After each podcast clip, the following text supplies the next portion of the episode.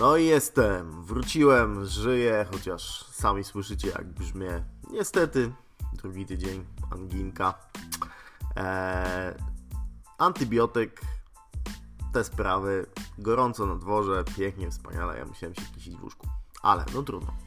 Eee, wnioski z tego wyciągnąłem, słuchajcie. Eee, trzeba słuchać lekarzy. Naprawdę. I nie bądźcie mądrzejsi od ludzi, którzy zjedli zęby na leczeniu innych. E, pozdrawiam wszystkich domorosłych e, lekarzy, zwłaszcza chirurgów. E, i, I przypomniała mi się pewna rzecz, mianowicie gdzieś tam w połowie kwietnia pisałem artykuł o tym, taki krótki, taką krótką myśl, że kiedy jesteśmy nastolatkami, to wydaje nam się, że jesteśmy nieśmiertelni. I tak trochę jest. Nie jestem na tyle stary, żeby tego nie pamiętać, że kiedy byłem nastolatkiem, to wydawało mi się, że tak naprawdę, no pff, kurde, całe życie przede mną. Nic tak naprawdę nie może mi zaszkodzić. Eee, od e, takich prostych e, rzeczy typu pobiegam, spocę się, e, napiję się wody z lodówki, nic mi nie będzie, e, aż po jakieś w ogóle hardkorowe i, bardzo głupie z dzisiejszej perspektywy ryzykowne e, zachowania, często autodestrukcyjne. E, No wydawało mi się, że słuchajcie, 20 lat, pff, kurde, w ogóle całe życie przede mną, e, generalnie mam super moce i ten.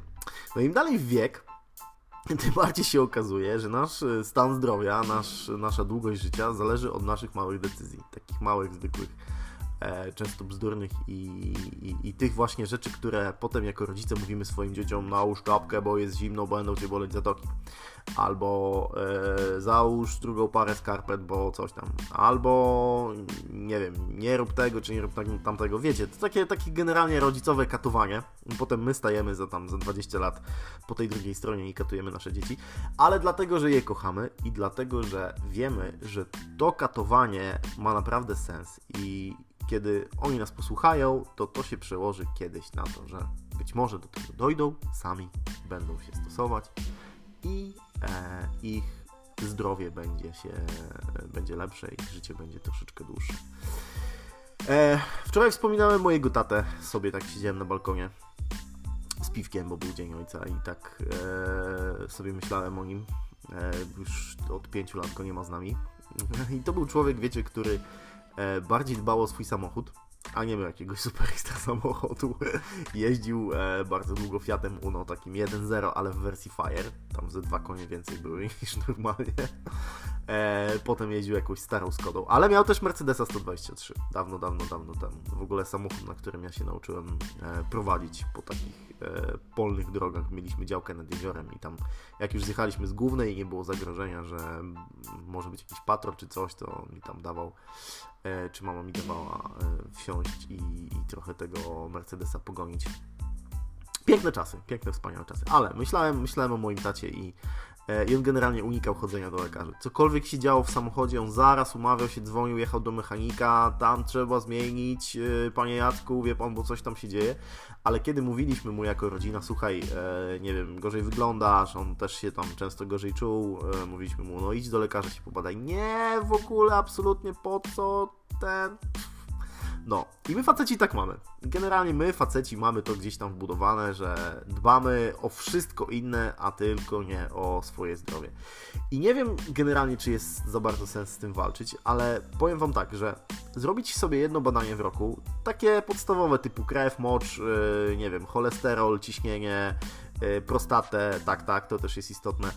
Yy, które generalnie no, trwają, nie wiem, 2-3 godziny te badania i kosztują, nie wiem, tam maksymalnie ze stówkę. Ani to jest kosztowne, ani to jest straszne, ani dużo czasu nie zajmuje, a naprawdę można, e, y, mówiąc takimi wielkimi słowami, uratować swoje życie. Bo jak się okaże, że coś tam wyjdzie, to e, jak wiecie, z każdą chorobą jest tak, że wystarczy troszeczkę wcześniej podjąć leczenie i, i bardzo wiele chorób można we wczesnym stadium wyleczyć. Ale pytałem Was o destruktory na moich social mediach wszelakich. Mm, e, Jak w ogóle rozumiecie destruktory? Bo w taki sposób ja sobie roboczo nazwałem e, wszystkie czynniki, które mają negatywny wpływ na nasze życie i na nasze zdrowie. I oczywiście mogą to być alkohol, nikotyna, leki, niewysypianie się, zbyt dużej ilości cukru, e, zbyt dużej ilości soli, jakaś tam chemia w żarciu, wiecie, jakieś konserwanty, ale też mogłoby to być na przykład toksyczne relacje, czyli ludzie, którzy nas dołują. I takie destruktory przez ostatnie parę tygodni starałem się w, zbierać i wypisywać gdzieś tam z, z mojego życia. E, I tak sobie myślę, że chciałbym, a mówiłem Wam w ostatnim odcinku o moim challenge'u, który chciałbym podjąć, mianowicie, żeby e, w wieku 40 lat, czyli za 5 lat, wyglądać i czuć się lepiej niż w wieku 25 lat. I wierzę w to, że jest to możliwe. E, więc pierwszym krokiem jest właśnie eliminacja destruktorów. E, I tak mówiąc sobie w dużym uproszczeniu, to ta eliminacja destruktorów z, z, mojego czy z Twojego życia ma na celu po prostu prowadzenie higienicznego i zdrowego stylu życia. E, wyrzucasz rzeczy negatywne, do tego dorzucasz rzeczy fajne i dobre, pozytywne, takie jak sport, zdrowe jedzenie, dużo owoców i warzyw, oczywiście picie wody, o którym Wam mówiłem, zdrowy i, i, i e, akuratnej długości sen, e, właśnie unikanie jakichś tam zasrańców, którzy nam brużdżą w życiu i tak dalej, i tak dalej. I, I chcę zrobić na sobie pewien eksperyment który będzie trwał długo. Może nie, nie będzie to eksperyment który będzie trwał 5 lat, tak jak Wam mówię, ale chciałbym przez jakiś tam e, krótszy czas dzielić się z Wami efektami, które zauważam po właśnie eliminacji destruktorów i po wprowadzeniu dobrych przyzwyczajeń do e, mojego życia. Więc jeżeli chcecie, e, to dajcie mi znać, czy to będzie ciekawe. E, kiedy zaczynam, generalnie już zacząłem, tak mi się wydaje, bo e, gdzieś tam zajęło mi to tyle czasu myślenia na temat tych destruktorów, ich wywalania i zastępowania ich rzeczami fajnymi i dobrymi, że już pewne zmiany poczyniłem.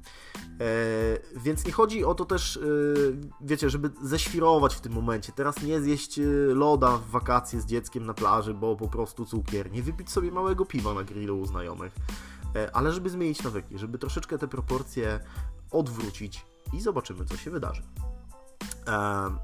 I tak e, nawiązując do tych destruktorów, to też mm, destruktorami psychicznymi są w mojej ocenie media społecznościowe. I też yy, przez ostatnie yy, te dwa tygodnie, kiedy chorowałem, nie, nie gadałem do Was, to też wrzucałem Wam takie różne pytanka, ankietki. jeżeli widzieliście te wpisy, to zauważyliście pewnie też, w którą stronę pójdą moje rozważania w tym odcinku skroluję te wszystkie portale internetowe, patrzę sobie na Facebooka, na, na, na Twittera, patrzę sobie na Instagram i tak naprawdę dochodzę do wniosku, że ani nic ciekawego tam nie ma, ani nic sensownego, co dałoby mi jakiś bodziec do jakiejś dobrej zmiany, do jakiegoś zastanowienia się. Generalnie większość ludzi pokazuje tam swoje życie w lepszym świetle. To jest taki po prostu indywidualny PR. Pokażę Wam fajne zdjęcie z wakacji w ciekawym miejscu, wrzucę oznaczenie, że jestem tam, nie wiem co tam jest teraz yy, modne, gdzie tam się jeździ, ale z jakiejś tam super ekskluzywnej wyspy i teraz zbieram lajeczki, zbieram serduszka i bang bang bang, czuję się lepiej. Eee, kreuję pewne wrażenie o sobie, że jestem, nie wiem, bogatszy, że jestem, e, e, nie wiem, mądrzejszy, że jestem ciekawszy, że mam fajne, bujne życie, a tak naprawdę wszyscy i tak wiemy, że to jest kreowanie wizerunku. Więc zadałem sobie sam pytanie i zadaję sobie to pytanie cały czas, czy mi to jest potrzebne? Czy ilość lajków pod moimi zdjęciami ma jakieś w ogóle znaczenie? Czy to wpływa na mnie osobiście, czy to zmienia mój nastrój, czy jak nie przekroczę tych tam 20-30 lajków pod moim zdjęciem na Instagramie, to czy jestem smutny, to czy myślę sobie, a może by to zdjęcie zrobić jeszcze raz. Wiecie o co chodzi? Czy to mi coś daje? Czy jestem w stanie przeżyć bez tego? E, I wiecie, trawię to, e, bo nie jest to takie proste, patrząc z perspektywy prowadzenia kilku profili firmowych na Facebooku i na Instagramie, e, bo robię to. E, ale myślę, że da się to zrobić. I troszeczkę też poczytałem oczywiście. E, nie ja pierwszy na to wpadłem i są ludzie, którzy z powodzeniem zrobili taki eksperyment i bardzo sobie chwalą i, i mówią, że e, tak naprawdę to była jedna z lepszych decyzji kilku ostatnich lat. I ja około dwa lata temu wymiksowałem się ze Snapchata. Założyłem tak trochę, myślałem, że może też zrobimy jakąś promocję, jakieś firmy, może tam były wtedy fajne filtry, których nie miał jeszcze Instagram. Generalnie też jeszcze Instagram nie miał stories wtedy, więc e, trochę obwąchiwałem ten Snapchat, patrzyłem co tam się robi, jak i, i tak dalej, ale w pewnym momencie, kiedy Instagram wprowadził wszystkie funkcje, które miał Snapchat, e, to stwierdziłem w ogóle won, wywalam Snapchata z, z telefonu i, i, i, wiecie co, od tamtej pory ani przez chwilę nie pomyślałem nawet, czy może by wrócić, może coś mnie tam umija, może coś tam się dzieje. Pewnie podobnie byłoby z innymi e, portalami społecznościowymi. Więc moje pytanie do Was dzisiaj, czy ktoś z Was zrobił coś podobnego, chociażby na jakiś czas? czy warto i czy to ma faktycznie jakiś e, pozytywny wpływ na komfort psychiczny, zaoszczędza czas, który można poświęcić na coś innego. E, dajcie znać. Mój mail brodateserce.gmail.com jest dla Was dostępny. Oczywiście jestem na Twitterze, jestem na Instagramie, jestem na Facebooku, a w ogóle taki chichot trochę, nie? Że mówię Wam o wyjściu z social media i podaję Wam moje, e, gdzie mnie można znaleźć na SM-ach. no. E, Niedługo zaczynam urlop i może to właśnie będzie taki początek też, e, bo tam gdzie jadę generalnie jest tyle ludzi, że jest problem z internetem, więc może to być też e, o tyle fajny moment, żeby właśnie wtedy po prostu olać sobie social media i zrobić sobie taki, nie wiem, dwutygodniowy, miesięczny, dwumiesięczny odwyk. Ale spokojnie, odcinki będą się pojawiały regularnie. E, co więcej, w ogóle liczę na rejestrację fajnych rozmów z ciekawymi ludźmi, dlatego że jadę na Slot Art Festival. I jeżeli nie słyszałeś nigdy o tym, to już e, spieszę z wyjaśnieniem, że Slot to festiwal, który odbywa się zawsze w drugim tygodniu lipca w Lubiążu pod Wrocławiem. To jest w okolicach Wołowa. Jeżeli e, Wrocław ma duże okolice, to jest Wrocław, potem jest Wołów, a potem jest Lubiąż, taka malutka e, wioseczka, ale piękna. I co to jest? Slot to jest festiwal, na którym mm, mają miejsce innymi koncerty. Jest to 10 scen muzycznych E, różnorodnych stylistycznie, gatunkowo, w ogóle każdy znajdzie coś dla siebie. 150 warsztatów w tym roku mamy i to też bardzo różnych, od muzycznych przez rękodzieło, przez warsztaty sportowe, e, samorozwojowe, e, you name it, jak to mówią Rosjanie, więc jest czym wybierać spotkania z ciekawymi ludźmi, z gośćmi, e, strefa dialogu, około 7 tysięcy uczestników, bardzo różnych, bardzo kolorowych, z różnych kontekstów, w różnym wieku, z różnym doświadczeniem. E, samo to w ogóle tworzy taki wspaniały miszmasz, gdzie można coś wziąć dla siebie z, z tego festiwalu. W tym roku będzie to 27 edycja festiwalu, więc on odbywa się dłużej niż e, orkiestra w Polsce, niż Wielka Orkiestra Świątecznej Pomocy. E, a moja, mm, moja edycja, w sensie ja będę już tam na slocie po raz 17. Wyobrażacie to sobie 17 lat, rok po roku, e, regularnie jestem na slocie i jestem z tego dumny. I to jest w ogóle coś, co kiedyś z moją grupą przyjaciół dawnych e, ukuliśmy takie powiedzenie, że rok bez slotu jest rokiem straconym. I coś w tym jest. E, I fenomen tego festiwalu to też między innymi e, organizacja, która bazuje na e, wolontariuszach przede wszystkim. Jest tam zaangażowanych około tysiąc osób, wolontariuszy, którzy pilnują bezpieczeństwa, którzy przygotowują, rozstawiają wszystko, sprzątają, dbają o to, żeby było bezpiecznie, wesoło, żeby była woda, żeby było gdzie przejść, żeby nie było żadnych jakichś dziwnych sytuacji. W ogóle niesamowite. Czapki z głów, obserwuję ten festiwal tak naprawdę od początku z perspektywy organizacji, bo byłem e, na każdym festiwalu byłem wolontariuszem, nigdy nie byłem e, uczestnikiem, więc patrzymy z trochę innej strony i jest to ewenement na skalę światową. Naprawdę.